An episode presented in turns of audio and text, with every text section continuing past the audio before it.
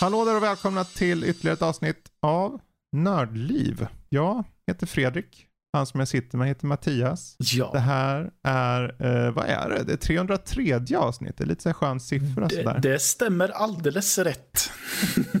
Gör det. Det är ju den 24, nej det är inte 24, den 23. Vi spelar in lite tidigare den här gången. Eh, vi vill vara lite on the ball. Sen kan det vara att jag väntar främmat imorgon så att jag kanske eh, inte skulle ha kunnat spela in själv. Eh, det är faktiskt den där Lotta igen. Nej men va? kommer komma och hälsa på. Eh, lösa lite grejer. Och ni ska Hur inte ens podda. Nej, jag Vad vet. i- Jag var så här, men jag vill, det, jag vill inte bara att det ska bli Lotta hela tiden som att jag bara, eh, hon har annat att göra och jag vill ha med er andra. Och därför är det så kul att du är med idag Matte. För vet du vad? Idag kommer du snacka om allt möjligt. Du kommer snacka om eh, Bloodborne kanske. Men framförallt Chronicles of Innsmouth. Den, den ska vi beröra. Sen om vi kommer till Zombie Army 4, Dead War och eller Demon Skin, det återstår att se. Men framförallt tror jag vi ska definitivt avhandla de avsnitten du och jag har sett hittills på Invincible. Mhm. Eh, jag kommer även ta upp de första intrycken eh, av Returnal. I alla fall det jag får säga, det är de två första biomsen och lite kring eh, själva känslan. Men inte kommer nog så direkt så här, så här är det och det här är bra och dåligt. Utan det kommer vara lite löst sådär, bara lite första intryck. Eh, och sen kommer jag snacka om filmen The Father och kanske filmen Nobody. Så det blir, det blir lite av varje faktiskt idag. Eh, det är lite skönt.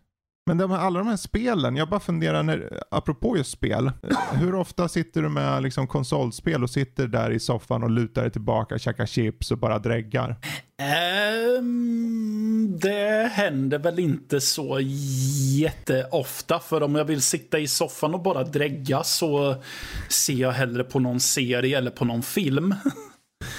Men eh, ja, vad ska vi säga? En, kanske två gånger i månaden det händer. Att jag sitter och spelar tv-spel i soffan och käkar chips och dräggar. Ja, för jag, jag tycker det är så intressant just det här med hur folk spelar. För det, uppenbarligen är det ju, jag antar att jag är ju i minoritet här. Jag sitter inte så ofta, om än an, ens aldrig i soffan och spelar mina konsolspel. Utan jag har ställt dem vid datorn eh, och pluggat in och så. Men eh, Ja, Jag har ju PS4 kopplat till tvn och så måste jag sitta i, eller jag måste inte sitta i soffan men jag gör det oftast. Men det, nu på sistone har det blivit att när jag spelar på PS4 så är det mer lättsammare spel.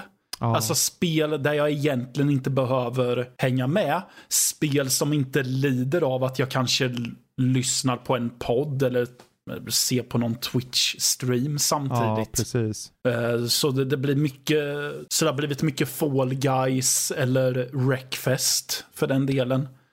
Wreckfest. Vad Ja. kul.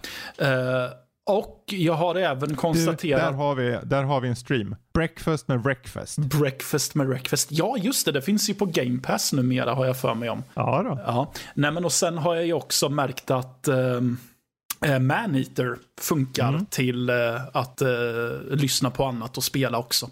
Absolut. Det är ju verkligen, det är lika hjärndött som hajen som man spelar är. Liksom. Det, ja, precis. men det är på gott och ont liksom. Jag tycker, ja, det, det har sin charm det. Nej, men jag gillar Maneater. Det har blivit lite min... eh, det, det har nästan blivit som något slags idol uh, mysa ner sig med spel okej. ungefär. Ja. Så, när jag väl spelade i alla fall. Hmm. Men apropå eh, just det här med soffa och den. För jag, jag är nyfiken, rent, när du bara spelar konsol. Är det Ja. då alltså, då är det vanligast att du ligger ner i soffan eller sitter du på kanten liksom? Hur, hur spelar du oftast? Det, det beror på vad det är för spel jag spelar. Ja. Eh, Jag kan vara lite mer tillbakalutad med lite mer avslappnade spel. Men när det blir mer intensst då sitter jag ju typ mm, ute på kanten och eh, med händerna i knät eller nästan nere på golvet och blicken fäst eh, med, och munnen öppen emot ungefär på tvn. Um, Mm. är det. Ja, Men konstigt nog när jag sitter vid eh, datorn och spelar, även när jag spelar ett spel med handkontroll, ja. så märker jag att jag sitter mycket bättre. Jag kan ta stöd mot ryggstödet, jag kan luta mig framåt ibland. Kanske, men... eh, Tror du vi är, för jag gör ju typ samma sak uppenbarligen. Men Mm. tror du vi är en minoritet här? Jag antar det va? Jag tror det. För att jag, jag, har nog alltid kämpat med, inte, med att jag inte hittar en bekväm eh, spelställning eller vad Ja. man säger när jag sitter i soffan. Jag kanske egentligen borde ha typ en... Jag tror att det hade hjälpt för mig om jag hade haft typ en fåtölj att sitta i kanske. Ja, kanske där kanske ja. Ja. Ja, Så jag kanske får börja med att jag även sitter i gamingstolen när jag ska spela på PS4 också. ja. Hmm. Ja, för jag, jag, de gånger jag spelar, jag har Nintendo switchen vid tvn, även om jag primärt kör ju den handhållen då. Mm. Såklart. För mig är ju Nintendo Switch uppenbarligen enbart en handhållen. Nej, jag bara jävlas. enbart en handhållen. Så det finns ingen dockningsstation, det finns inga joycons. Nej, men det, när jag väl har, jag kör ju mest, och det här låter ju fånigt nu kanske, men jag kör ju enbart ett spel dockat. Eh, I alla fall har jag gjort det senaste halvåret. Eh, och det heter Ring Fit Adventure. Ah, Träningsspelet. eh, kan vara bökigt att köra. mm, Ja, det, jag tror inte det går, det går inte att köra det handhållet så. Du måste ju sätta de små joyconsen på din, på antingen på ena benet och sen måste du ha, en, har du en rattgrej som du sätter fast den ena på. Jaha. Ehm, Diskriminering kallas det i andra fall. nej, nej. Men där, men där är liksom, där är det tillfället. Och sen har jag nu, nu har jag den gamla PS4 och Xbox One X kopplad till tvn också. Och på sistone har jag varvat, för jag har kört med Julia, jag har kört till It takes two till exempel. Ja, just Eh, det. Ja, f- Jag körde lite med Lotta också där. Och eh, det, då, då var det så här skönt. Okej, men nu, nu, det, här, det här är ett perfekt spel. För det har ingen supertempo. Du behöver ibland vara lite rapp bara. Men då, det kan du ligga i vilken ställning som helst. Men jag förstod när jag satt med det. eh, Även, att, även när spelen var liksom li- mer långsamma. Att jag fortfarande sätter mig längst ut på kanten. För att jag är så van vid att kunna få hela mitt synfält Mm. upptaget av skärmen. Så när jag sitter i soffan som är säkert en 3-4 meter minst från tvn så blir det för mig pyttelitet och jag bara, men jag känner att jag tappar kontrollen. Det är Ja. jättekonstigt. Jag känner att jag tappar kontrollen. Jag sitter och då går jag närmare och närmare och närmare och till slut Mm. sitter jag två meter, en halv meter ifrån tvn. ja, På golvet liksom. Ja, alltså jag tror att nackdelen för mig är att jag eh, ofta hamnar ute på kanten, ganska långt ut. Ja. Och eh, jag hamnar väldigt ofta med armbågarna i, kn i- knät ungefär. Okej. Ja. För jag tror att fördelen med när jag sitter vid eh, datorn är att, ehm, Mm. är att eh, jag har armstöden som jag kan sätta armbågarna på istället. ja, precis. Mm. Ja, just det. Ja, det här var bara en liten, uh, liten mini-spin-off för mig. Jag var lite nyfiken. Just det här med Ja. hur man gillar att spela. Och jag tänker, ni som lyssnar just nu, uppenbarligen vet ju jag att vi är lite så här märkliga. Men hur, hur gillar ni egentligen själva att spela? Sitter ni halv, är ni halvliggandes i soffan och spelar? Sitter ni upp? Sitter ni upp på kanten? Går ni så nära tv ni kan? Eller så långt ifrån tvn som möjligt? Ni får jättegärna skriva det antingen på Insta eller på Discord. Ja. Eh, Discord som för övrigt nås ganska enkelt via vad då Matte? Via hemsidan. Jaså, hur då Ja. menar du? Jo, man går in på nordlivpodcast.se och så ska det finnas en länk bara på startsidan. Ja. Så ser man Discord, gå med här. Man ser även exempel på vilka kanaler som finns där. Precis. Så, Så bara connect, trycker på den, kommer rakt in. Ja. Eh, vi, jag tror vi gör så här, vi, undrar om vi, inte ska, vi kanske ska ha det som en fråga den här. Hur spelar du dina konsolspel? Liggandes i soffan eller så nära tv du kan? Ja, eller liggandes i sängen. Ja, vi får se vilka alternativ det Ja. blir med på den där lilla omröstningen. Ja. eh, Men eh, hoppa in på Discord bara så får ni eh, rösta på det här vad det lider. Yeah. Med det sagt så hoppar vi till veckans nyheter istället.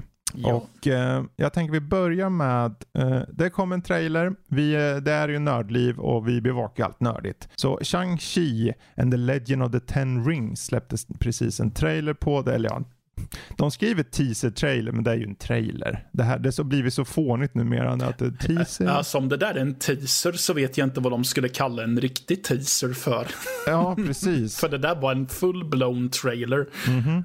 Vad är dina eh, spontana intryck av den här eh, Ja, eh, det roliga- martial arts-filmen? Ja, det roliga är att när du bara säger titeln så vill jag initialt säga vad, vad är det för slumpmässiga ord du hittar på. Jag vet inte vad du pratar om.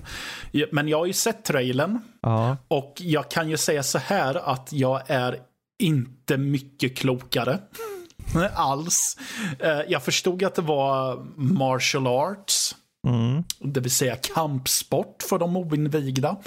Eh, Men jag kan inte säga att jag kommer ihåg så mycket annat Nej, överhuvudtaget. och jag, det, någonstans tror jag lite att det är, det är ju vad de vill få ut. De vill ju veta, de vill att du som tittare ska veta, okej det kommer en kampsportsrulle ja. i Marvel-universumet. Och det är egentligen det som är hooken, känns det som. ja, men alltså det, det kändes så väldigt intetsägande också. Jag menar, jag, jag fattade ju inte ens att det var en eh, Marvel-rulle förrän eh, du och jag pratade om det sen. Ja, precis. Mm. Ja. Ja. Så, Mm. så, jag, så jag ska inte säga att jag är den som eh, sitter med som sitter och hoppar jämfota tänkte jag säga, men det är svårt att göra när man sitter ner. Men det, det är inte jag som sitter och studsar i soffan eller stolen och tänker åh vad jag ser fram emot att se vad den nu hette. Shang... Shang-Chi. Shang-Chi. Mm. Shang-Chi and the Legend of the Ten Rings. Ja. Vad tyckte du då? Ja, okej. Jag tyckte att eh, han verkar ha eh, lite karisma, men som film vart jag väldigt ointresserad. Eh, Mm.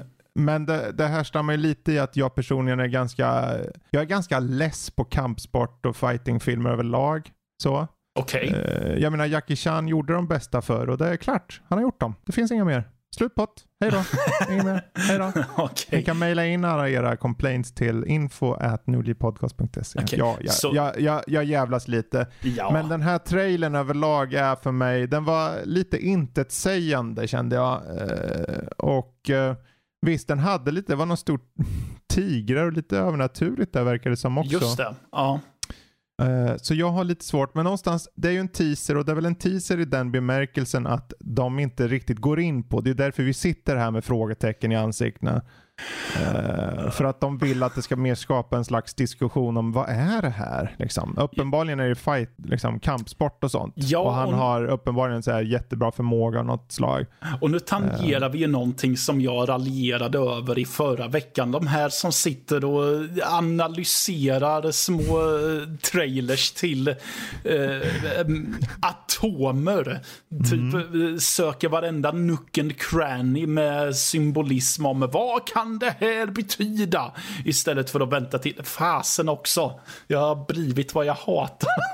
Ja, nu har vi ju inte förvisso gått in riktigt på detalj så, men Nej, jag, jag, eh, fi- ja. filmen, Som jag sa off mic förut. Ja. För, att, för att få fram en poäng så går man till ytterligheter.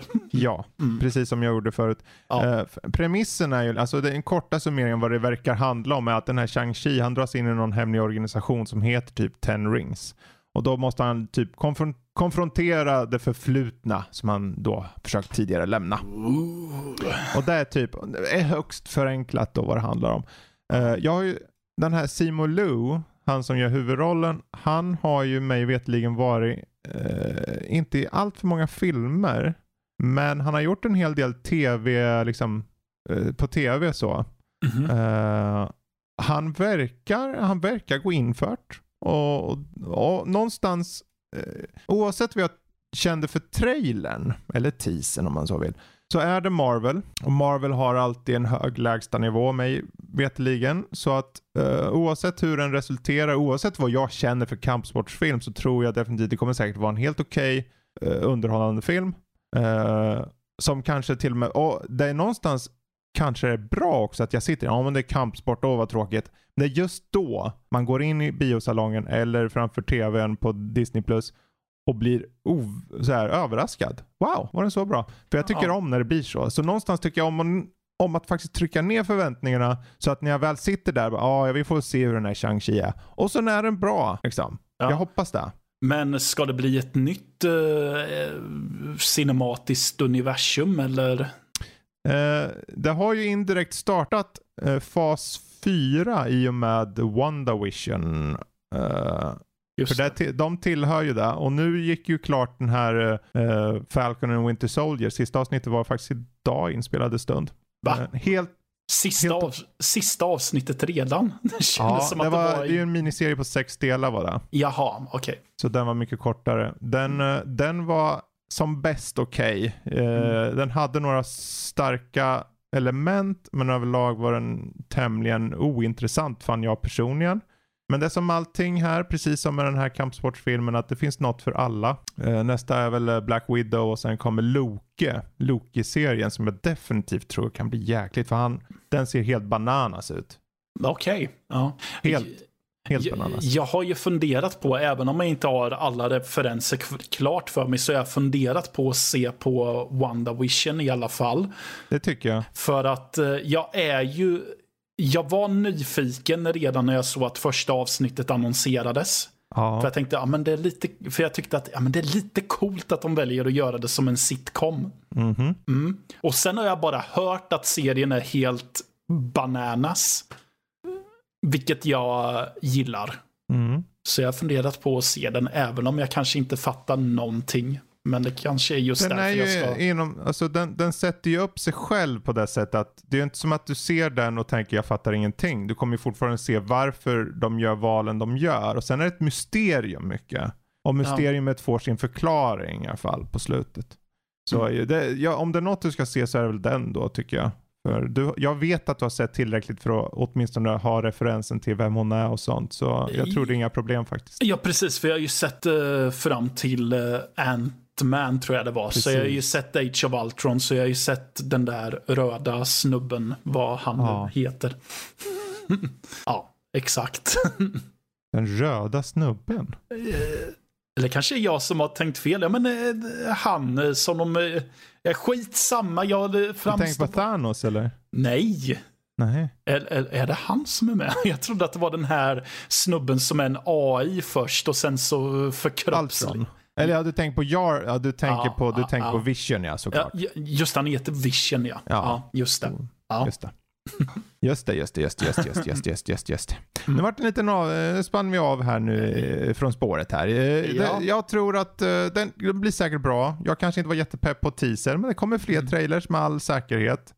Uh, filmen har väl inte mig vetligen premiär förrän senare i år. Någonstans framåt oktober tror jag ja, då förstår jag verkligen att de Men kallar det för en teaser. Då, Ja, för, precis. då förstår jag verkligen att de kallar det för en teaser. Ja, Eh, framåt september släpps den i USA och om det nu är eh, Disney Plus så är det nog inte långt ifrån samtidigt för Sverige om inte ens faktiskt samtidigt. Så eh, 3 september i alla fall USAs release. Vi får se hur det blir här i Sverige. Ehm, bra, men fortsätter med nyheter. Vi har också ett rykte som blir allt mer eh, förstärkt då av olika läckare. Eh, och det är att eh, en remake på Knights of the Old Republic eh, är på väg. Eh, och att det då ska, eh, ja jag vet inte om det byggs upp från grunden eller sådär, men eh, studion som jag har hört är den här Asper Media. Asper Media vet jag inte riktigt vad de har gjort tidigare, men de tillhör ju Embracer Group och så vidare, så att det är ju, den, det är udda, för det är ju inte, jag, jag någonstans trodde ju att Ja men det borde väl vara EA för de äger väl det där men det är klart de inte gör för det är Star Wars och Star Wars är ju nu fritt för alla nästan. Just. Så ja, spontana intryck. Vill du se eh, möjligheten att faktiskt ta och spela Knights of the Old Republic? Ja, jag... Det, det, det skulle nog vara ett sätt för mig att få tummen ur och faktiskt testa det. Mm. För eh, som jag, eh, nu har inte de ordinarie lyssnarna hört det för att det var eh, för eh, den exklusiva klubben kallad Patreon. Då jag sa att jag har ju bara spelat inledningen och jag vet att jag redan då tyckte att nej men det här känns lite segt. Mm. Det kan vara så att det var för att jag inte hade tagit mig an några direkta rollspel innan. Men eh, baserat också på hur jag kommer ihåg att det såg ut och lite så, så tänker jag att jag gör nog bättre i att vänta på att en eventuell remake kommer. så eh, för min del tror jag att det är um, ja, men eh, ett, eh, ett ypperligt tillfälle för mig att faktiskt um, till slut testa spelet och se vad dealen är. Men då kan jag också ge mig fan på, för att tala ren svenska, att eh, när jag plockar upp och eh, kanske till och med tycker att det är intressant att spela remaken så kommer det vara såna här eh, tomtar som säger att ja, fast det här var minsann mycket bättre på, eh, i originalet. Du, du går miste om så mycket guldkorn. Du missar ju hela grejen, Matte. Ja, de har tagit bort hela den här viktiga miljön eller det här viktiga partiet som uh, gjorde hela spelet. Det var en kvart man spenderade där precis i början av spelet men det utgör hela spelets kvalitet. Ja. Det kommer vara mycket sånt. Det, Fan, det, chansen finns. chansen finns. Dock är det, i det här fallet, jag är så här, den här studion Asper Media, det enda de har arbetat på är portningar i alla tider mer eller mindre. Okej. Okay. De har portat sedan 97. Eh, What? ja, de har gjort, eh, alltså Carmageddon, Tomb Raider, uh, Alpha Centauri, Deus Ex. Det var i början och sen efter det har det blivit mängder med portningar. Så det är vad de gör. Det är deras stora gebit. Så då tänker jag om nu, jag är så här, gör de en, gör de en remake eller gör de en mer avancerad portning? Ja, det återstår att se. Oavsett, en ny publik kan ta sig an en klassiker. Det är aldrig fel. Uh, om de piffar upp lite så här quality of life grejer med uh, gränssnittet kanske eller något sånt där. Uh, gör det. Ja, och så länge man får att verka relevant att spela nu för tiden. Så att det inte mm. bara är för nostalgins skull. Precis. För det, det, det, är lite det jag känner att, uh, fast det gäller ju film också, att om man mm. gör det relevant för samtiden, annars kommer det bara vara, men vilka kommer bry sig annat än nostalgikerna? Mm. Mm. Här är det ju tacksamt just för att storyn är ju alltid, det, det, är en väldigt bra story och storyn är så pass tung att de, jag vet att nu snackas det om att föra in eh, den karaktär som har skapats i med det här spelet som heter Darth Re Revan heter han. I Canon, i uh, Star Wars-universum bara för att han är så poppis utifrån bara ett spel. Uh, de, uh, jag, jag, tror att så länge de bibehåller, här, här handlar det om att för det här spelet plockade jag upp inte för så länge sedan igen, för jag tror jag har det på Steam. Och märkte det att det här funkar ju. Alltså funkar på det sättet att spelmekaniker och allting känns fortfarande, det känns modernt det känns som en, tänk dig Mass Effect fast lite tidigare, typ så, för er som, som lyssnar. Liksom. Uh, så jag, jag hoppas det. Lite quality of life, uh, bättre grafik. Om det är en full remake eller en remaster, det, det återstår att se. Men uh, ja, varför inte? Jag håller tummarna att det blir bra i alla fall. Ja, jag med. Yes. Säger vi. Ja. Eh, sen tar vi en snabbis här. Det blev nu utannonserat att Square Enix faktiskt kommer till E3 2021. Eh, det blev ju inställt i fjol E3 och så. Men, ja. Eh, och nu kommer det i alla fall i digital form. Eh, och eh, en av de som kommer då är just då Square Enix. och de, de själva sa att de planerar att göra utannonseranden på E3 i juni, att man ska hålla ögonen öppna och det är allt de har sagt hittills. det blev ju bekräftat tidigare med just vad gäller just E3 att vi har Xbox, Konami, Nintendo, Ubisoft, Take-Two, Take-Two, Take-Two, Capcom, Warner Bros och Koch Media på plats. Ja, men, men det är ändå Square Enix, eh, nu kom ju Square Enix och sa att de skulle på, vara på plats också, vilket inte är konstigt för Koch Media har ju till exempel i Europa Square Enix under sig. Ja. Eller över sig eller under sig, jag vet inte. Um, ja, så kul för Square Enix, men uh, det, jag brukar inte tycka att deras uh, events är de mest roliga. Jag kommer ju mest ihåg, jag tror att det var sist, eller om det var 2019 eller 2018 då jag mm. bara för att chansa tittade på deras eh, event. Okay. Och det var ju bara en bonanza av spel jag inte brydde mig om. Och jag minns att det var väldigt mycket Kingdom Hearts 3. Ah. Där de inte ens hade ljud för vissa eh, sekvenser. Ja, just det. Eller ja. de, de hade dialogen, men de hade inga ljudeffekter, vilket fick det att känna så här, okej, okay, det här är sämsta sättet att sälja in ett spel på, för det Ja. jag tycker att det ser ut som skit.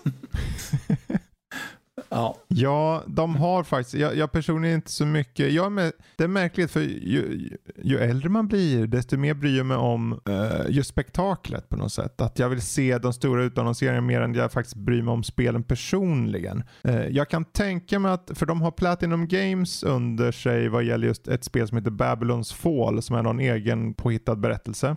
De har ett eget spel som heter Forspoken som är någon slags eh, tredjepersons actionspel med eh, rollspelselement och sen drakar och grejer som jag fattar som. Och sen såklart Final Fantasy 16 som är den nya iterationen då.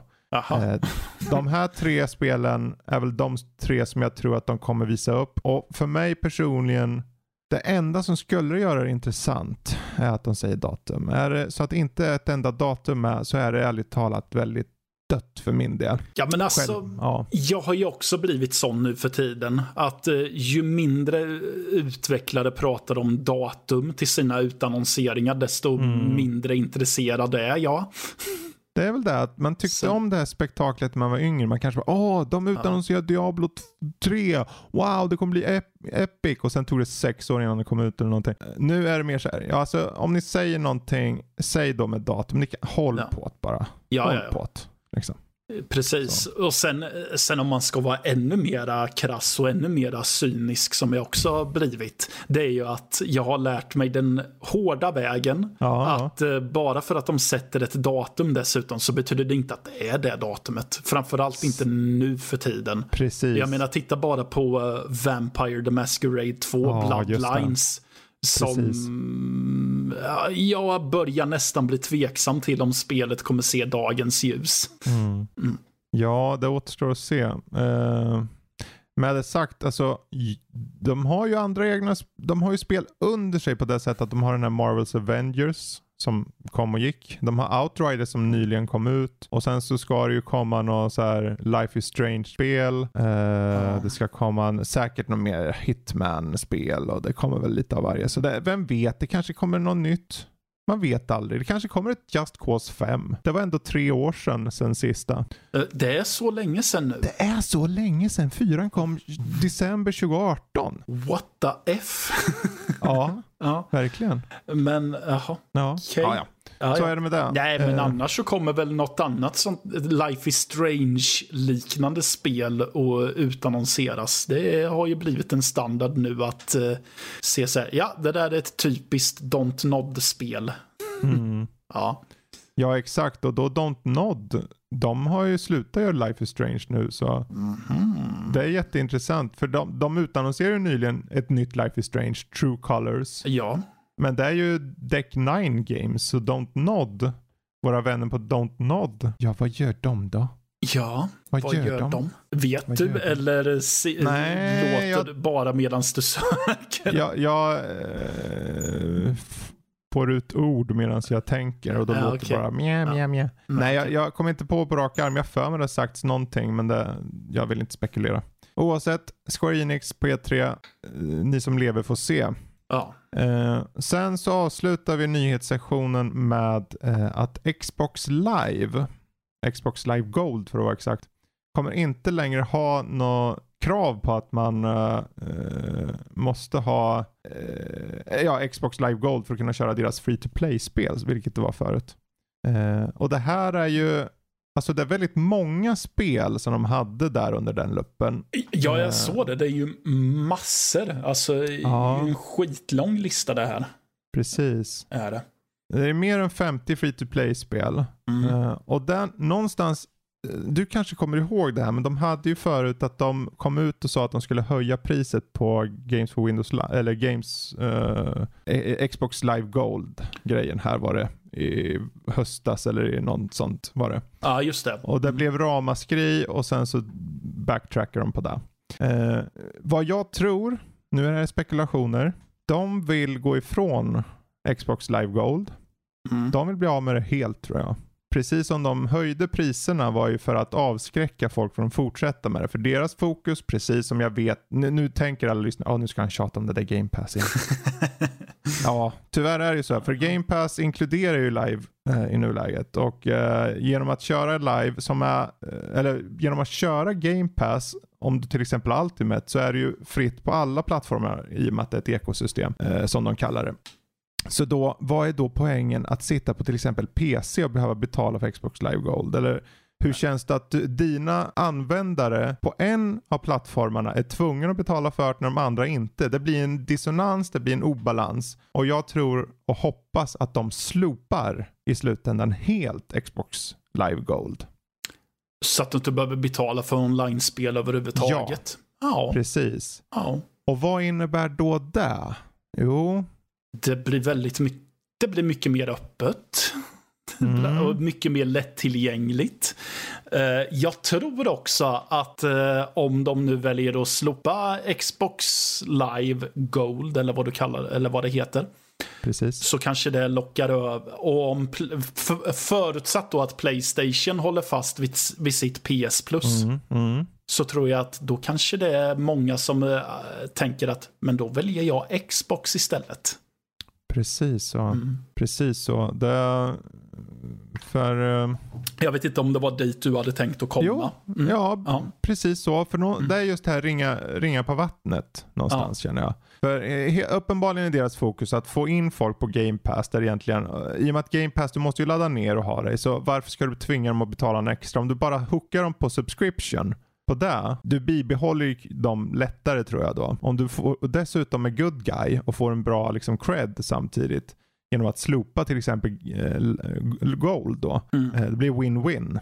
Ehm, och visst, det, för egentligen de här free to play-spelen, det som drar mest är ju typ Fortnite och så. Eh, ja, Ehm, och medan resten av spelen, de delar de små procenten som är kvar av marknaden, av, eller marknaden av uh, spelarbasen. precis. så- Man, man snackar om Fortnite och så övriga spel. ja, möjligen, Typ så. möjligen om Rocket League har en, kan ja, nämnas Apex efter. Legends ja, kanske, och, och Warzone för COD då. Just det. Men ehm, Fortnite härskar ju mycket och bara att det är ju precis vad du sa där. För eh, Du har en kompis, han har, ja men du, eh, jag har Xbox Series X här och jag kör ju Fortnite gratis. Kan inte Mm. du skaffa en eh, sån? Eller sitter du på en PC? Då kör du bara på en gång. Ja. Cross-platform kanske eller någonting. Ja. Om det nu finns. Men poängen är ju då att det här kommer ge ringa på vattnet och någonstans om de till slut slopar det, vad gör då Sony? Kommer de följa efter? Eh, till och med Nintendo har ju för att betala för att vara online. Inte för att jag tror att om det är någon som inte bryr sig så är det Nintendo. De kör sin egen grej bara. De, de, de har skygglappar på och bara kör. De bara springer rakt för, ner för ett stup. Liksom. På gott och ont. ja. Det är kanske en bassäng med, Ja, ja. med varmt gott tropiskt vatten. Där. De, de- de får lite there, there knapp, klappar på axeln ungefär. Ja, nej jag tycker bara spännande att se att utvecklingen sker åt det här hållet och eh, vad det faktiskt resulterar i det får vi se i framtiden då. Men, ja. ehm, 50 stycken free to play-spel, eh, nu free access oavsett om du har eh, live gold eller inte. ja, så å andra sidan tycker jag att det är logiskt att man slopar en betaltjänst för free to play-spel. Ja, För om du, ska, om du måste betala för en tjänst för att få spela gratisspel, då känns inte de där spelen så jäkla gratis längre. Nej. Visst, du behöver inte betala för spelen, när du, men du måste fortfarande betala för att kunna Exakt. spela dem. exakt. Ja. Ja, spännande, intressant move. Får se vad som eh, leds, eh, vad som sker med det här efter det här. ja. Med det sagt, det rundar vi av nyheterna och hoppar in lite på andra nyheter på det sättet att jag har, jag tänkte jag ska börja här med Returnal. Ja. Eh, Som jag har suttit med en hel del på sistone och Ja. stångats, stångats med. ja. På Sim, gott och ont faktiskt. simma lugnt så du inte drunknar i embargohavet. Ja. bara. Jag kommer ju bara, jag kommer inte säga någonting med, med några konkreta tycken och sånt, men jag kommer berätta lite att just upplägget, för du kraschlandar på en planet med en kvinna, hon heter Celine, Och hon då ska leta i de här, de här öde, de här slags eh, det är någon eh, forn, eh, så här jätteantik eh, civilisation som har existerat på någon eh, planet och det bara efterstoder kvar av det. Hon är isolerad, hon är själv. Men av någon anledning så hittar hon lik här och var. Och de här liken är hon. What? det här är uppenbarligen väldigt märkligt. Det tycker ju hon också. Hon, uh, hur kom hon hit? Vad är det här för någon typ av loop? Vad, hur leddes hon hit? Och hon måste om och om igen börja om den här resan när hon blir uh, liksom defeated så att säga. Så att till skillnad från många, för det här är ett roguelike i tredje person med mycket fokus på action och en aning uns Dark Souls i det att du, om du sätter på online-läget så hittar de här gamla liken, det kan vara forna spelare då.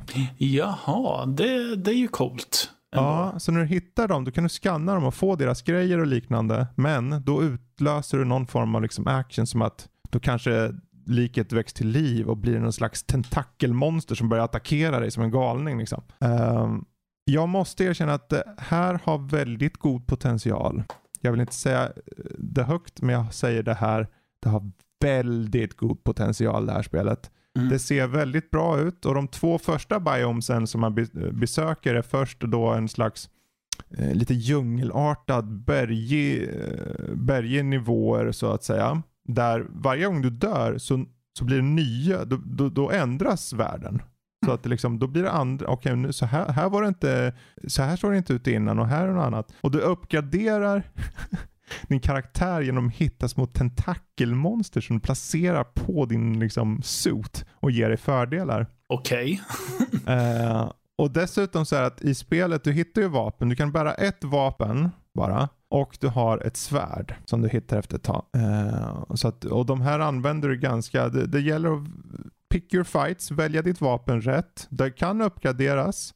Men nollställs också när du dör för då vaknar du upp igen på planeten och jag hittar din resa mot den här källan som pulserar på avstånd. Vad är det för någonting som pulserar där borta? Det är någonting, du måste undersöka det men du vet inte vad det är. Och på din resa kanske du hittar märkligt nog ett 90-talshus som står, en villa som står där. Du går in och undersöker, det blir lite så här nästan walking sim-stuk. Tar undersöker vem du är lite. Det blir ingående. Jag måste säga, jag, eh, det, har jag sagt för, för övrigt också att alla monster och sånt är väldigt cosmic horror kombinerat med bullet hell. Jag tycker den här kombon gör det väldigt unikt än så länge och det är så visceral, liksom, eh, så snyggt på många sätt att jag jag har verkligen blivit förvånad på många sätt vad gäller spelet. Det finns en del saker som jag skulle vilja se förbättrade. Men där får ni läsa i recensionen som kommer eh, någon gång nu i veckan. Eh, men överlag så är mina första intryck eh, goda. Mm. Och eh, Ja, det är väl egentligen det jag vill törs säga tror jag. Ja, alltså jag har ju varit nyfiken på det sen jag har sett det eh, utannonserat. Ja. Eh, tyvärr har jag ingen PS5 i Nej. nuläget. Um, men uh, ja, jag varit ju nästan mer sugen på nu för att det verkar gravitera emot att vara det spelet som jag nästan haft uppfattningen till. Mm. Att det är lite som en uh, surrealistisk mix av uh, väldigt mycket. Ja. Ja. För hon, hon, Celine då, hon, hon måste ju försöka samla ihop de här fragmenten av minnen som hon... För hon, hon söker ju själv svaren. Varför kraschar hon här hela tiden? Du vet ju inte det som spelare heller riktigt. Och Nej. hon söker ju svaren och du får flashbacks ibland och sånt. Det är väldigt mysko på många sätt. Och varför är världen som den är här? Varför är det just på den här planeten? Och Uh, och det är tack och lov i tredje person, vilket jag är jättetacksam över. Och det flyter på så bra. Och framförallt, jag vet inte om jag törs säga det här, men ljudbilden är så bra alltså. Okej. Okay. Och då, då flyter ljudbilden även ut i DualSense handkontrollen. Som uh, på PS5. För att den har ju den här känslo, den kan ju känna av saker på mer detaljnivå. Så, så att inte nog med att du liksom hör monstren, du känner av det till viss del i handkontrollen. Okej. Okay. Uh, ja, jag uh, är rädd för att säga så mycket mer. Eller rädd, reserverad. Eh, än en gång, goda intryck än så länge. Vi får se vad det blir i slutändan. För det finns en del saker jag har blivit lite mer fundersam över. Men mer om det när ni läser recensionen till veckan. Eh, men det får bli mina första intryck i alla fall av Returnal på PS5. Yes, det låter ta... intressant ändå. Mm. Mm. Ja, vi kan ju ta lite mer om det på tu man hand sen om det är så att du vill veta mer. Eh, vad jag däremot vill veta mer om är, för vem vet, kanske finns lite Cthulhu-vibbar i Chronicles of Innsmouth? Ja, det, det, kan det mycket väl göra. Det är ju trots allt eh, väldigt mycket baserat på eh, Lovecrafts roman tror jag till och med att det är. Shad mm. Shadow of Rinsmouth. Jag tror att det är en av få romaner han skrev. Um, spelet utspelar sig lite parallellt med uh, Shadow over Innsmouth. För jag för mig att Shadow over, over Innsmouth handlar om en uh, snubbe som heter Lone Parker som är som någon slags privatdetektiv som drar till Innsmouth för att uh, undersöka någon smugglingshärva men upptäcker ju något helt annat och mm. uh, obeskrivbart. Som det okay. brukar vara i Lovecrafts eh, glada värld. Men vi spelar som en snubbe som jag helt och hållet har tappat namnet på nu, men det är skitsamma. Han ska egentligen åka tåg till Arkham, men det är något som händer med tåget så han kan inte åka vidare. Men då får han reda på att, ja men du, eh, om du stannar över natten i den här stan du är nu så kan du ta bussen eh, via Innsmouth bort till Arkham. Mm. Eh, vilket han då gör så småningom. Men innan dess så vill han ju veta, men vad är Innsmouth för något ställe? För det finns inte ens på kartan. Ja. Ja, men när han gör sin research så får han reda på att det är många som inte vill prata om det. Många okay. menar på att eh, Innsmouth är ju definitionen av hädelse till exempel. Oj då. Ja, men efter mycket om och men så kommer man ju dit. Men då har man också gjort lite research. Och då är det ju då att eh, man får ju reda på att det här är en stad som har övergivet, övergivit kristendomen. Mm. Eh, för att dyrka en entitet som heter Dagon. Ja, ah, okej. Okay. Uh, och det är för att det är någon fiskare som ute till havs kommer i kontakt med den här entiteten och uh, uh, som säger att ja, men om ni tillber mig så ser jag till att ni får väldigt mycket fisk. Mm. För de är en fiskeby det här. Ja, precis. Så, ja. Um, så man kommer till Innsmouth och märker att allting i stan är väldigt skumt. Det är inga ortsbor som vill prata med en. Alla ser väldigt konstiga ut. Alla pratar med en lite morfpitchad röst också. Okay. Och allting känns tämligen illavarslande eh, när man då, för man blir strandsatt i Innsmouth för att eh, busschauffören tänker inte åka vidare. För att han är involverad i väldigt mycket skumheter, inser man. Um, som Vad är det för typ av spel då? Liksom? Det är ett peka-klicka-spel. Och det, det, är en sinnessjukt bra stämning, framförallt när man kommer till Innsmouth. För att det är, något, det, det, det är nästan som att spelet får som ett grönt äckel mörkerfilter över sig. I ljudbild, musiken är väldigt mystisk. I ljudbilden så kommer en morfad röst som säger någonting som är svårt att tyda. Mm. Um, jag uppskattar att det jag uppskattar art-stylen väldigt mycket för det ser ut som första Monkey Island gjorde när det släpptes. Ah, vad men, kul. Ja, men det har röstskådespelare och det har på ett klassiskt Sierra-maner, som är en annan uh, utvecklare mm. uh, till gamla peka-klicka-spel, så kan du även dö om du inte tänker dig för ordentligt. Det finns inga återvändsgränder i spelet, men du kan råka dö.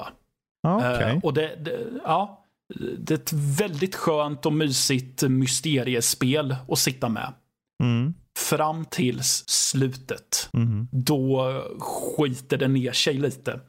För att då etablerades, det, det, men då försöker den sig på lite quick time events och lite minigames. Ja. Och jag, jag gillar inte när peka-klicka-spel gör sånt här. Nej. Jag gillar inte när de försöker dra in element som de inte är gjorda för. Eh, Jag och Emil pratade lite om just, eh, jag pratade om det här spelet med Emil tror jag att det var.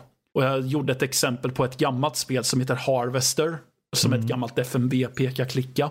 Och det är samma sak där. Jag är jätte... Jag, jag gillar spelet jättemycket fram till slutet för att då blir det typ en sidskrollande shooter. Mm. Och det är inte meningen att det ska vara det. För det är så trasigt och det är så svårmanövrerat så att det är i, i det närmsta ospelbart. Alltså, det funkar här i Shadow, i, nej, i Chronicle of Innsmouth. Men det är ju, man, det är gränsfall till att man i affekt stänger av spelet och tänker nej, jag skiter i det. Oj då. Och det, det är synd, för de hade inte behövt de här grejerna. Jag, jag, kan, jag kan haja att utvecklaren ville att det skulle vara lite mer intensivt. Mm.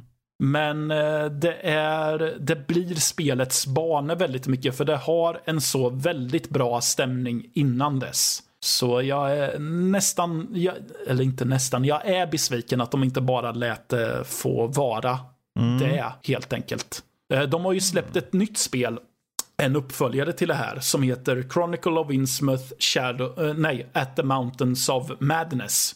Ja, okej. Som utspelar sig före det här spelet. Man spelar dels som Lone Parker, men man spelar även som andra karaktärer som Lovecraft, Lovecraftia, Lovecraft-fans känner nog till. Man spelar bland annat som en Abdul Al-Hasred som är personen som skrev Necronomicon enligt Lovecraft. Okej. Och man får spela som Howard Phillips Lovecraft himself vid ett tillfälle.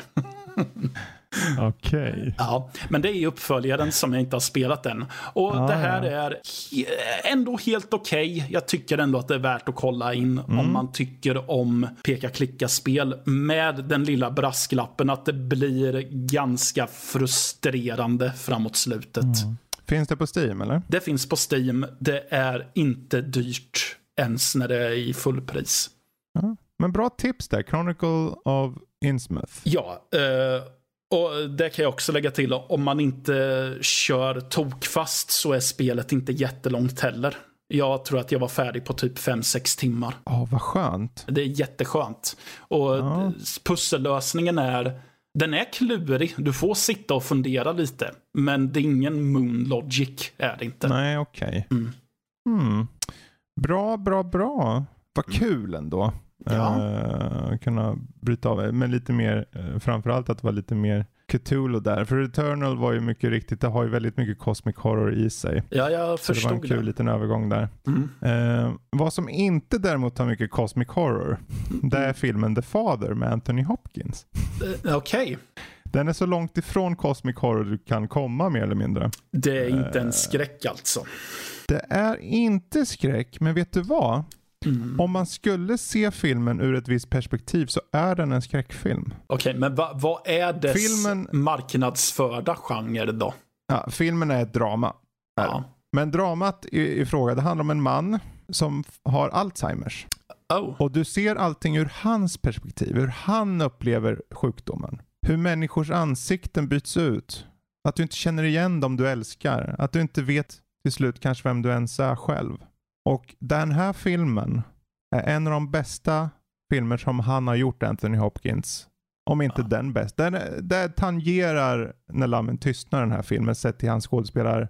Jag vart, jättes, jag vart jättesugen på att se den bara på grund av premissen. Ja, Mm. det, det är liksom han, han vägrar, grejen att han är en man, han bor i sin lägenhet, han vägrar hjälp från sin dotter nu när han åldras.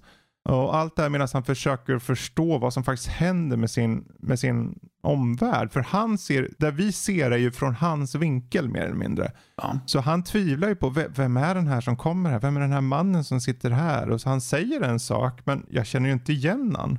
typ sådana saker. Och han, det finns ett par scener, det är bara inledningen när han gråter av den anledningen att dottern säger att hon måste flytta till Paris och att någon annan måste se efter honom. Och han säger, men vem, vem tar hand om mig då? Varför, varför lämnar ni mig? Och det är så, han är så utlämnande i den här rollen att jag blir lite påverkad bara jag tänker på det nu när jag säger det. Mm.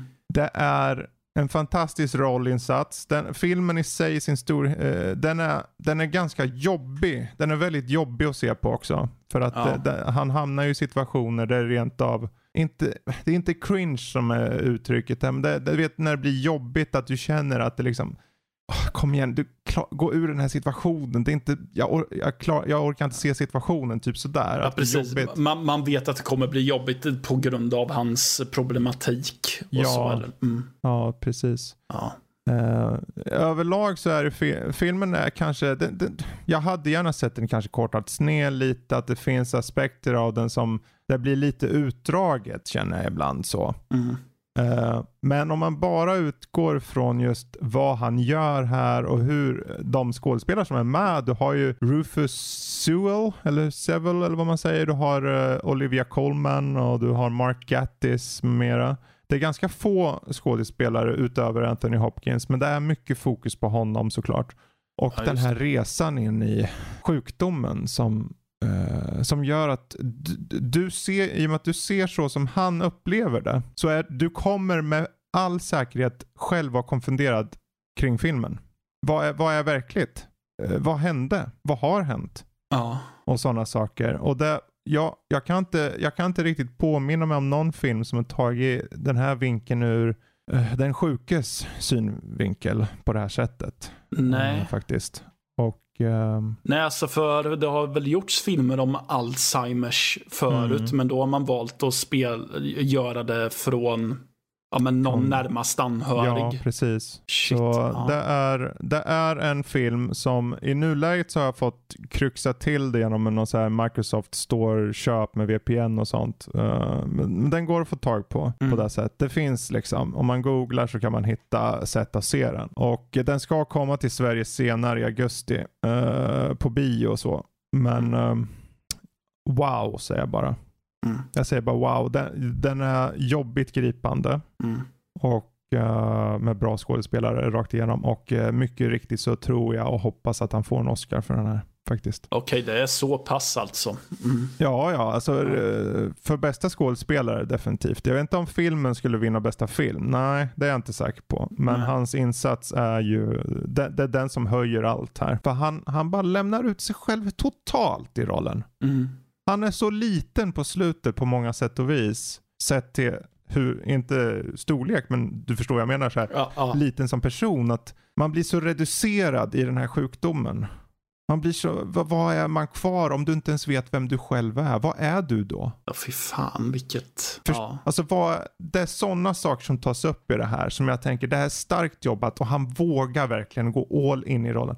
Som ni märker, nu går jag bara all, uh, börja om här igen. Jag, jag tycker den är så, det är en viktig film och det är Ja. den viktigaste rollen han har gjort på 20-30 år. Mm. Så när ni får möjlighet att se den, och ni kan se den nu om man kan hyra typ eh, från Microsoft Store via VPN och liknande, då gör ni det. Ja. ja, det låter ju verkligen som att det är något man ska göra. Ja. Jag är Den själv är inte perfekt sett i filmen i sin helhet, men just Nej. porträttet är ju, ja. Ja. Men där har vi det. Eh, The Father.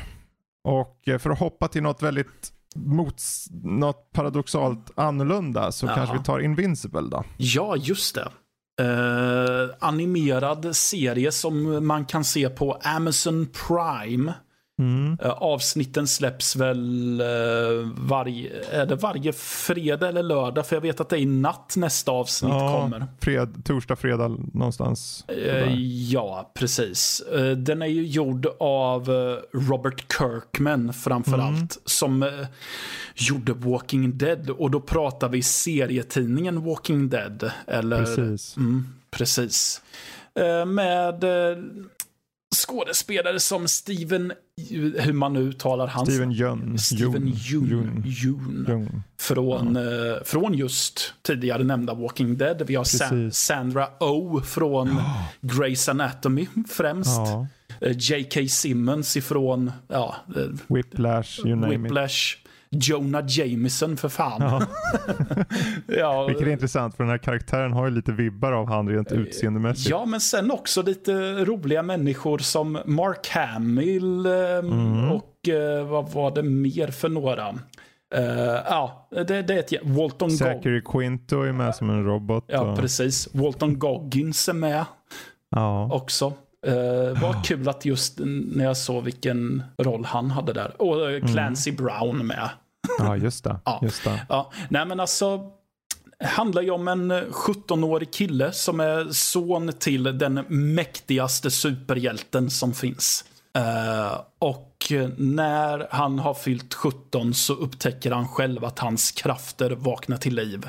Mm. Så eh, hans pappa tar på sig att träna honom och visa hur det är att vara en superhjälte samtidigt som han även försöker balansera allt vad som innebär att vara en 17-årig amerikansk kille med high school och romanser och mobbare och allt vad det heter.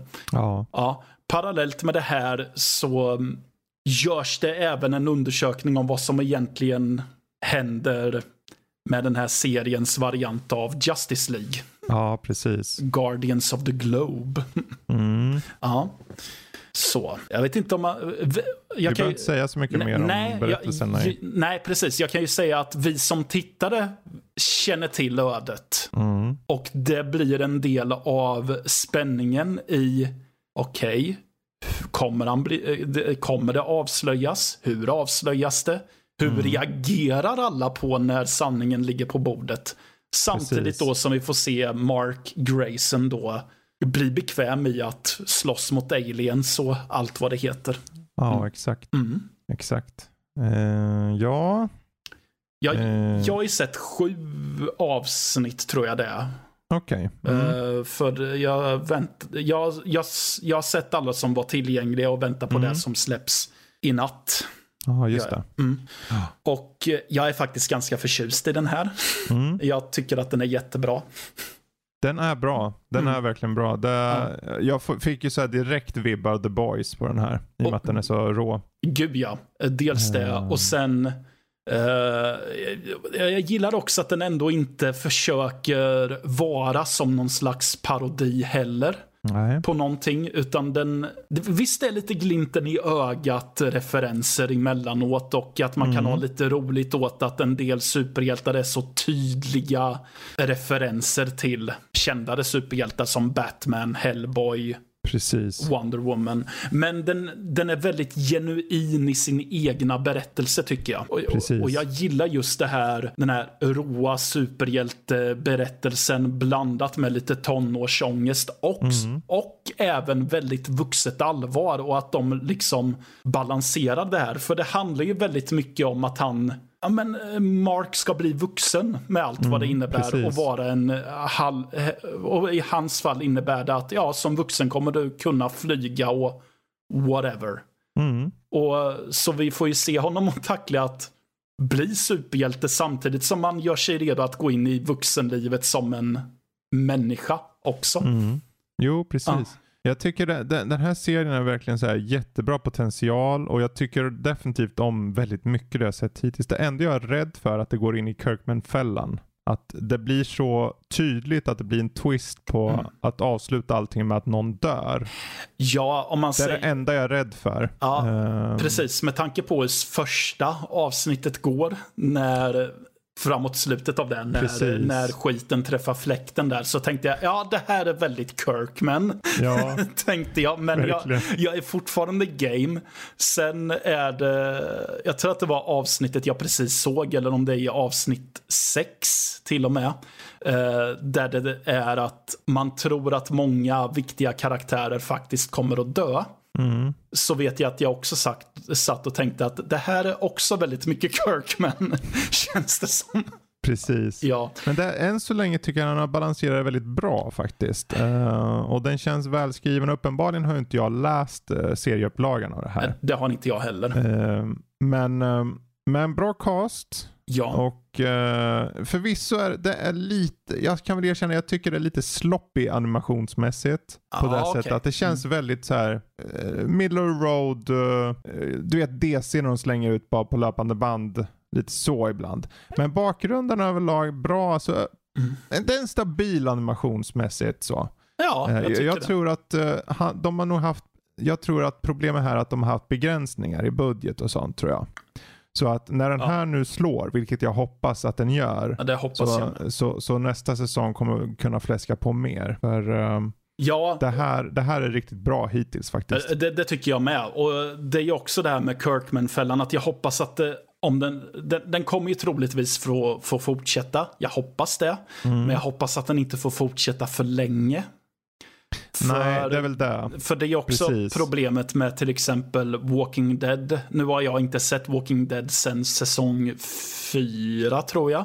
Mm. För att jag hade det problemet som många pratar om nu, att det blir så här, men det här är, ju, det här är typ en såpopera där det dyker upp en zombie ibland. Så jag vill inte att det här ska bli, ja men det här är en såpopera fast folk kan typ skjuta laser ur ögonen och de kan flyga och så, Ja, precis. Nej men alltså, jag, jag gillar också att den ändå har lite det här att det känns som att historien kan gå åt vilket håll som helst. Ingen karaktär sitter säkert och man vet inte riktigt vart man har alla karaktärer. Vart deras lojalitet ligger heller. Mm. Precis så. Precis så. Ja, det är intressanta twister och det ska bli jättespännande. Det här ska vi följa upp på när den har avslutat första säsongen. Summera upp lite grann så att säga. Känner jag. Ja, ja. Ta lite tid. Kanske göra en spoilercast då. Det kan något. vi definitivt göra. Jag är bara glad att det var någon mer än jag som jag känner som faktiskt Ja, tittar okej. på den. Jag tror det bara var jag. Så. Jag, jag trodde Perfekt. också att det bara var jag.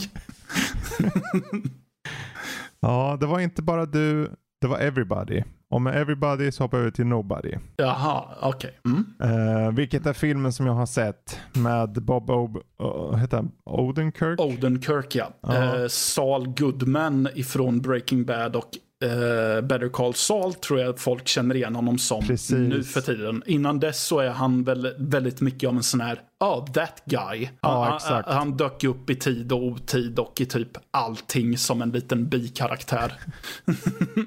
Precis så. Och någonstans den här filmen rent så här. Bara grundpremissen, alltså grunden av vad det är för någon typ av film. Det är en typ av liksom, tänk er John Wick. Det är det. Mm. Det är bara att eh, istället för John Wick som är en ganska cool snubbe som bor i ett snyggt hus. Så han, istället har vi Bob Odenkirk som är, försöker vara verkligen så lite i vägen för allt i hela världen. För han är verkligen en nobody. Han vill att han ska vara en nobody. Det är ett mål. Alla dagar går vidare. Det är måndag, tisdag, onsdag, torsdag, fredag och han går och stämplar in på jobbet. Han stämplar ut och han går hem och han kommer inte ut med soporna i tid. Och han skriker mot sopåkarna och det är liksom dag ut och dag in. Samma, samma. Men det är någonting. Det är någonting. Eh, Man tänker varför följer vi med den här mannen? Sen är det inbrott en natt. Inbrott i huset. Det är två stycken som har brutit sig in för att ta eh, ja, värdesaker och sånt. Eh, hans son hoppar på en av dem och slår ner och så. Och han precis kommer upp bakom med en så här golfklubb och redo att slå. Men han stannar upp och sen talar han med dem. Han försöker prata ner dem istället. Helt plötsligt ändrar han sig och verkar väldigt vek bara. Sonen blir, de bara, ta, gör inte illa min son sådär, ni, ta vad ni vill och så de tar saker och sticker. Och då förstår man, okej, han är, är han verkligen en nobody och sonen blir sur på det. Självklart är ju kanske inte saker och ting som det verkar här. Utan han är en av de mest badass jävlarna. Han var en så kallad auditor en gång i tiden. Vilket innebär att eh, när regeringar inte lyckades få sina resultat med FBI, CIA eller vad det är för en organisation. Då det, skickas det till nå- någon person som bara avslutar saker och ting. Oh, okej. Med eh, dödlig effekt mer eller mindre. Mm. Det var han en gång i tiden. Oj då. Men nu är han, nu är han äldre. Och eh, han är äldre och det måste jag säga, det tillför mycket att han är äldre. På det sättet att det känns som att han är mer grundad i verkligheten. Han tar stryk verkligen alltså. Mm. Och det, det, det tar tid för honom att komma tillbaka. Men den här slags eh, där, I slutändan det kommer en, en så här jävla druglord av något slag såklart in i bilden. Och eh, För han slår ju ner fel person och eh, då blir det mindre krig. Och så får han visa sig, för familjen har ju ingen koll på vem han är Nej. egentligen. och så. Eh, och det, det blir mycket, det blir väldigt badass. Mm. Du har ju sett den här filmen hundra gånger tidigare. Vi vet ju vad det är för någon typ av film. Liksom. Och nu vet ju med all säkerhet hur den kommer sluta. Men vad ni inte vet är hur han tillför den här nästan, inte melankoliska, men så här väldigt alldagliga looken samtidigt som han faktiskt är badass. För han är väldigt badass. Han, han gör nästan hela filmen, Bob Odenkirk känner jag. Han, han lyfter den. Ja, alltså han är, eh, han är ju anledningen till att jag vill se filmen. Mm. För jag har blivit väldigt förtjust i honom i och med Breaking Bad och eh, framförallt Better Call Saul. Precis. För det är ju väl, det är väldigt mycket hans serie. Och mm. det finns väldigt mycket scener där han eh, i några Okej, okay, det är inte flashbacks, men man får se vart han befinner sig långt i framtiden ja. ibland. Och då är det väldigt mycket det här, försöka lägga det bakom sig och vara var, precis, vardaglig. Precis. Och han, han är väldigt bra på att fånga just den mm. melankoliska vardagliga amerikanen ungefär. Exakt. Tycker jag. Jag tror definitivt det här är en film för dig Matte. Den, den, uh, det är en film för alla känner jag. Det är en sån där film som bara skönt att se på i allmänhet för att du vill ju vara den där som bara har specialförmågan att bara slå skiten ur folk ibland. Man, man, någonstans drömmer vi många mycket, mycket om det. Liksom. Visst, man ska inte gå ut på stan och slåss. Icke sa Nicke. Nej. Men man får drömma om att vara tuff. Tuff-Uffe. Vara tuff-Uffe. Man får drömma om att vara tuff-Uffe. Ja, eh, och är det någon som är tuff-Uffe så är det eh, Bob i Nobody. Bobban. Eh, Bobban. Eh, det känns väldigt så här, John Wick-aktigt på många sätt. Eh, men eh, definitivt, definitivt värd att se. Ja. om en predictable som tusan.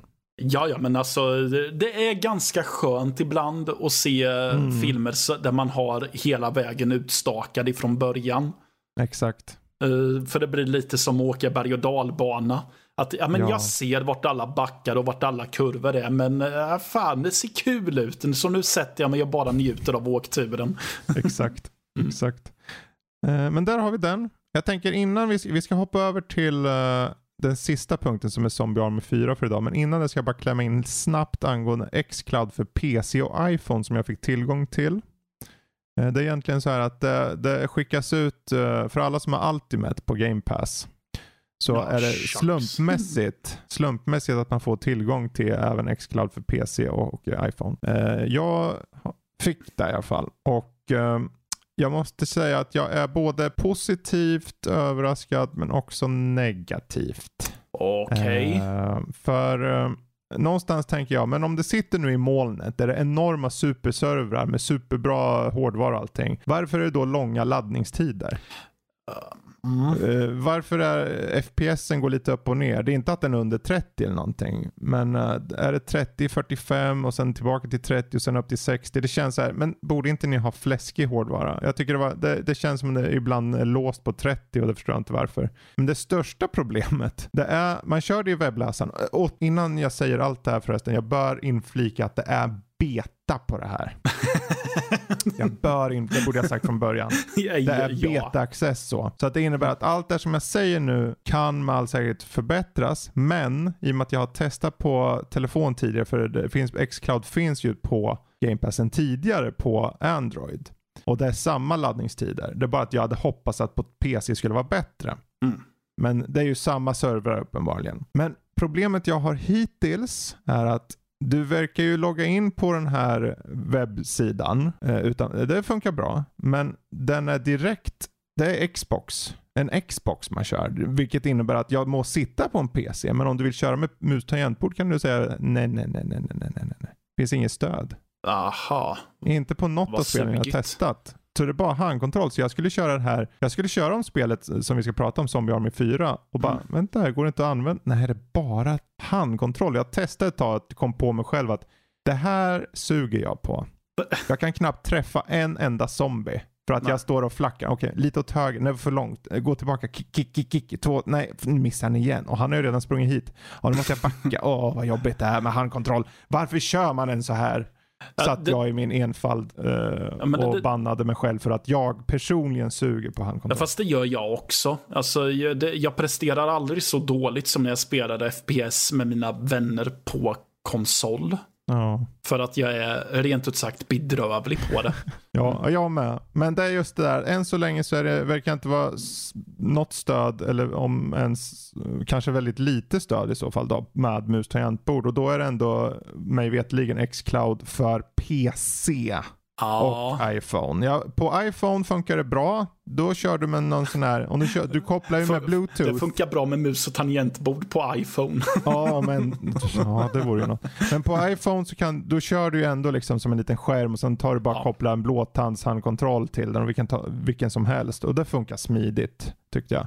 Eh, om man ska ta däremot lite fördelar här. Det, känns, det är definitivt inte laggigt. Jag tycker nästan det flöt bättre på datorn, själva spelet. Eh, cross-saves är ju någonting inom Xbox ekosystem som är ett otroligt plus. Du sitter och spelar på din dator, du hoppar över till din i, det här Xcloud och då laddar han in din save. Du hoppar till din mobil, den laddar in din save smidigt som tusan. Så vart du än spelar kör du vidare ditt spel och det är så enkelt. Det bara sker, det bara finns där. Eh, så överlag är ja, ja, det finns eh, lite nackdelar än så länge och fördelar med betan och allt det här. Men eh, jag tycker det ser, och det viktiga någonstans, även om det har lite laddningstider så är det ju viktiga, hur är det i själva spelet? Om det Mm. flyter på bra så är ju det det första de måste fixa och få klart och där tycker jag de fix, jag tycker det funkar bra faktiskt. Mm. Jag tycker det funkar bra. Och jag menar alla ni där ute som faktiskt kör allting med handkontroll, kanske ni gör på PC, då, då är det ju klart. Ja, faktiskt. ja, då är det bara att haka på. Ja, precis. Så det var mina fem, eller två cent i alla fall, av Xcloud på PC. Mm. Eh, men nu, över till det här spelet då. Zombie Army 4 Dead War. Vi har kört det här lite grann. Ja, vi, Eh. mm, vi skulle ju ha kört lite mer, men det lämnade en eh, bitter eftersmak. Ja, det gick Sen- inte, det var lite hårdvaruproblem Eh, där. Ja, det var Men det. Zombie Army 4, just det varför vi tog upp det nu, att man kan köra kampanjen ihop då. Ja. Mm. Och det känns ju som att, nu har jag ju inte spelat det överhuvudtaget single player förutom lite innan du Mm. kom in för att jag kände lite på det. Eh, Men det känns ju som att det är ju, jag vill argumentera för att det är gjort för att spela tillsammans. Ja, jo men så är det ju. Ja, Så är det ju. Eh, men alltså det, det, är kul zombie-slafs. Alltså Mm. det verkar utspelas i andra världskriget. Man är några soldater som skjuter zombies. Jag, jag vet inte. Det, Det är egentligen irrelevant. Ja, 46, det är ju en alternativ så är det ja. så. Mm. Ja. Eh, Eh, nej men, och det är väl baserat på, är det Sniper Elite? Precis. Eh, Eh, så Eller det, ja, rättare sagt, det finns Zombien heter ju uppenbarligen Ar- Zombie Army då, men den, den ska ha kommit då från uh, Sniper Elite-serien, den spin-off. Mycket Ja. riktigt. Ja, så det, och det märks ju eftersom att den har ju väldigt mycket av ett sniperspeltänk. Det vill säga att du belönas om du eh, skjuter eh, headshots. För då får du se din eh, snubbe bränna iväg ett skott i slow motion och sen ser du en röntgenbild på vilken kroppsdel du träffar på zombien. Och det är allt ifrån att du skjuter ut det som är kvar av hjärnan till eh, andra delar. Ibland väldigt privata sådana med. Ja, precis. precis. Ja. Och det, det, det, är, det känns ju lite så här att man är en finnig tonåring som sitter och tycker att åh, jättecoolt. Men, men det är coolt. Man känner Ja. sig cool och det, det är väldigt kul. Ja. Och jag, jag tror att det är det som är att falla tillbaka på med det här. Det, det är bara så, det, det är kul. Helt Mm. enkelt. Ja. Det är så, det är, någonstans finns det ju en plats för de här hjärndöda spelen och här passar det extra bra med hjärndödhet med tanke på zombies och allting. Men Ja. eh, det är någonting väldigt enkelt att hoppa in i det. Du, du kan ha, kolla på de här, för det är lite putslustig humor eh, och så på sina ställen. För det är ju en spoof på många sätt också. ja. Men framförallt så är det just eh, tredje persons action shooter som du sa också. Man kan zooma, man får ibland de här snygga shotsen när man ser någon Mm. liksom tarmar flyga ut genom ja, bakändan. Liksom. Ja. Eh, så det, det är ren och skär underhållning och det uppskattar jag. Ibland är det så här att man vill bara sätta sig ner, man vill bara slå igång ett spel och bubbla, kanske inte höra så mycket av spelet, bara skjuta saker.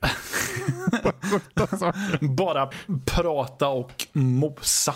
Ja, och där, där, jag, jag hyllade dig i fjol. Då hade jag ingen att köra med, men nu har jag äntligen fått köra med någon.